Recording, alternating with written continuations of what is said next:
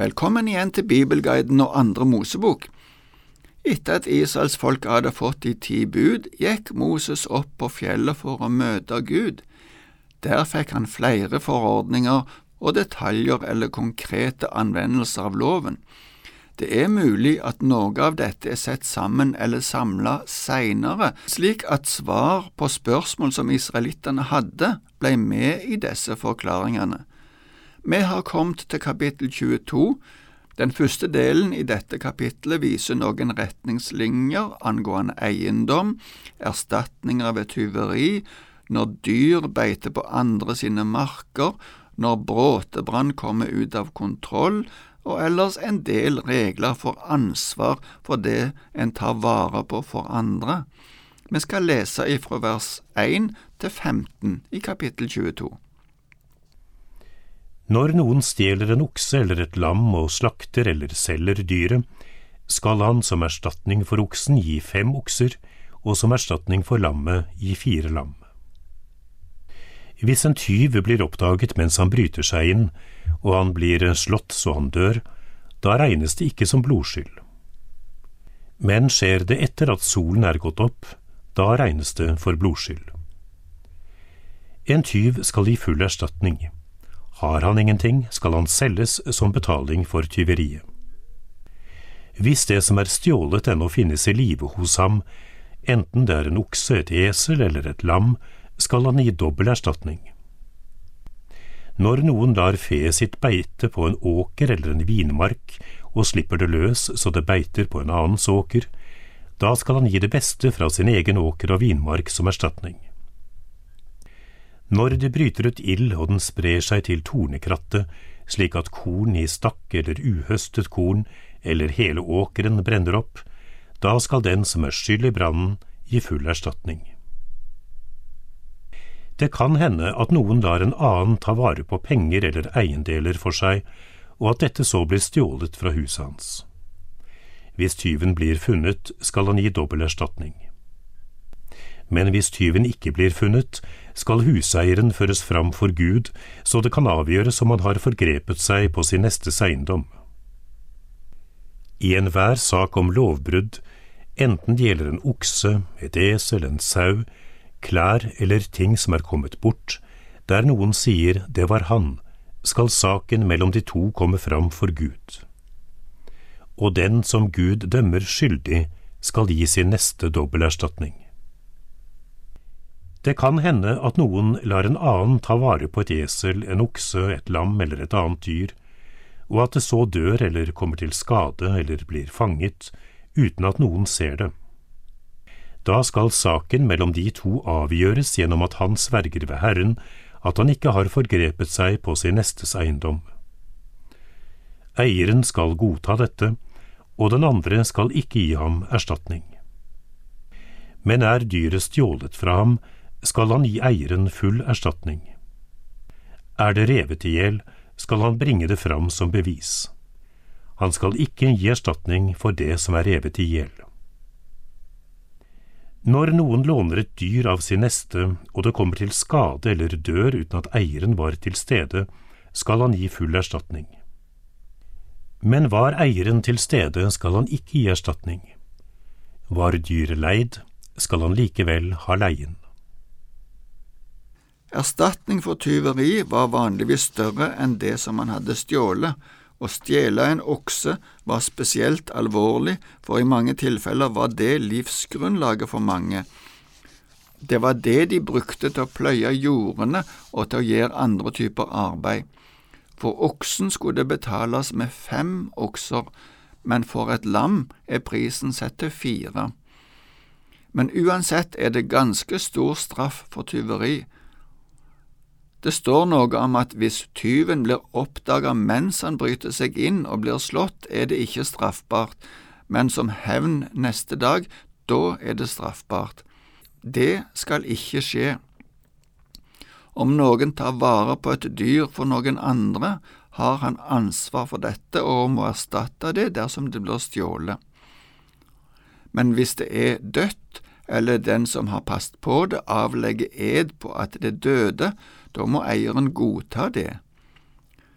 Et dyr kan jo dø, men ellers så har den som tar vare på dyret ansvar for å gi det tilbake eller erstatte det. Nå kommer det noen lover og retningslinjer som handler om moral og forskjellige forhold. Vi leser resten av kapittelet fra vers 16 til 31. Når en mann forfører en jomfru som ikke er lovet bort, og ligger med henne, da skal han betale brudeprisen og ta henne til kone. Men nekter faren å gi henne bort til ham, skal han betale en sum som tilsvarer brudeprisen for en jomfru. En trollkvinne skal du ikke la leve. Den som ligger med dyr, skal dø. Den som ofrer til andre guder og ikke til Herren alene, skal bli slått med bann og utslettet. Du skal ikke undertrykke og ikke gjøre urett mot en innflytter, for dere har selv vært innflyttere i Egypt. Dere skal ikke plage enker og farløse. Plager du dem og de så roper til meg, vil jeg høre ropet deres. Da skal min vrede flamme opp, og jeg skal slå dere i hjel med sverd så konene deres blir enker og barna deres blir farløse. Låner du penger til noen i mitt folk, til den fattige hos deg, da skal du ikke kreve renter av ham slik en pengeutlåner gjør. Tar du din nestes kappe i pant, skal du la ham få den tilbake før solen går ned, for den er det eneste han har å dekke seg med. Kappen skal han ha rundt kroppen, hva skal han ellers ligge i? Når han roper til meg, vil jeg høre, for jeg er barmhjertig. Gud skal du ikke forbanne, og en leder i ditt folk skal du ikke forbanne. Vær ikke sen med å gi av din rikdom og din overflod. Den førstefødte av sønnene dine skal du gi til meg. Det samme skal du gjøre med storfe og småfe ditt. Sju dager skal det være hos moren, den åttende dagen skal du gi det til meg. Hellige mennesker skal dere være for meg. Dere skal ikke spise kjøtt av dyr som er revet i hjel på marken, men dere skal kaste det til hundene. Forføring av ei ung kvinne blir sett på som en alvorlig krenkelse. Betalingen av ei festegave eller en brudepris innebærer at den som hadde forført henne, også måtte gifte seg med henne. Denne prisen, som kunne være ganske høy, skulle være med på å avskrekke unge menn fra uansvarlig oppførsel på dette området. Bibelen forteller ikke om noen konkrete henrettelser av trollmenn og trollkvinner, men det blir sett på som en alvorlig synd på linje med avgudsdyrkelse. Israel skulle ta seg av innflyttere, for deres situasjon i Egypt hadde nettopp vært slik. Gud hadde tatt seg av de i den situasjonen, og derfor så skal de òg ta seg av innflyttere som kommer til deg. Enker og farløse blir nevnt mange ganger i Det gamle testamentet. Gud har spesiell omsorg for deg. Mange plasser blir de, slik som her, omtalt sammen med innflytterne. Hvis enker og farløse blir utsatt for plager, kan de lett rope til Herren, og Han vil høre slike rop. Pengeutlånere skal ikke være strenge mot de som kanskje ikke har noe å betale med. Omsorg og medfølelse med mennesker som har det vanskelig, blir begrunnet med at Gud er barmhjertig. Fordi vi opplever omsorg og barmhjertighet fra Gud, så skal vi gi videre barmhjertighet til våre medmennesker. Vi skal elske deg fordi Gud elsker oss først. Du skal ikke forbanne Gud og heller ikke en leder i folket. Gud er absolutt suveren. Lederne ble mange ganger sett på som representanter for Guds styre og ordning. Derfor ville en forbannelse av en leder i folket lett forstås som en mangel på respekt for Guds autoritet. Vær ikke sen med å gi, sier teksten vår. Det handler om flere ting. Gud elsker en glad giver, sier Paulus i Det nye testamentet. Alt vi har, er gave fra Gud, og derfor er det rett og rimelig å gi gaver til gudstjenesten ifra vår rikdom og overflod. Det gjaldt i den tida, og det gjelder fremdeles i vår tid.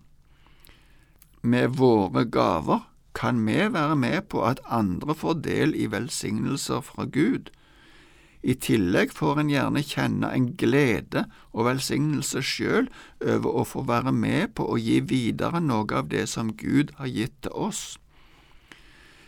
Kanskje trenger vi å understreke det i dag òg. Vi skal ha en slik holdning til Gud og til det å tjene Han at vi villig gir av vår overflod og vår rikdom tilbake til Gud og til de forskjellige greinene i Hans rikes arbeid. På den måten skal flere bli kjent med Gud. Det skjer i andre land der det drives misjon, og det skjer i vårt land og i vårt nærmiljø. I tillegg handler det om de ritene som Gud hadde gitt israelsfolket da han frelste Israel fra Egypt ved at alle de førstefødte sønnene i Egypt døde, da sa Gud at alle de førstefødte i Israel skulle tilhøre Gud. Det betydde ikke at de skulle ofre dem, men at de skulle gi en gave til Gud etter at de hadde fått disse sønnene. Det samme gjaldt de førstefødte av dyra. Så nevnes òg ordningen med omskjærelsen. Den skulle de òg praktisere nøyaktig. Det skulle skje den åttende dagen. I det siste verset i teksten som vi har lest, understreker Gud at Israel er et hellig folk for Gud. Han har utvalgt dette folket til å være hans spesielle eiendomsfolk framfor alle andre. En av konsekvensene ved det var at de ikke skulle spise kjøtt av dyr som var revet i hjel på marka. Det er ikke sikkert at dette er aktuelt i vår hverdag, men holdningen om respekt for Gud og kjærlighet og barmhjertighet imot mennesker, det er verdier som det er viktig å ta med videre. Vi må øve oss på det. Det er kjernen i det kristne livet òg. Takk for i dag.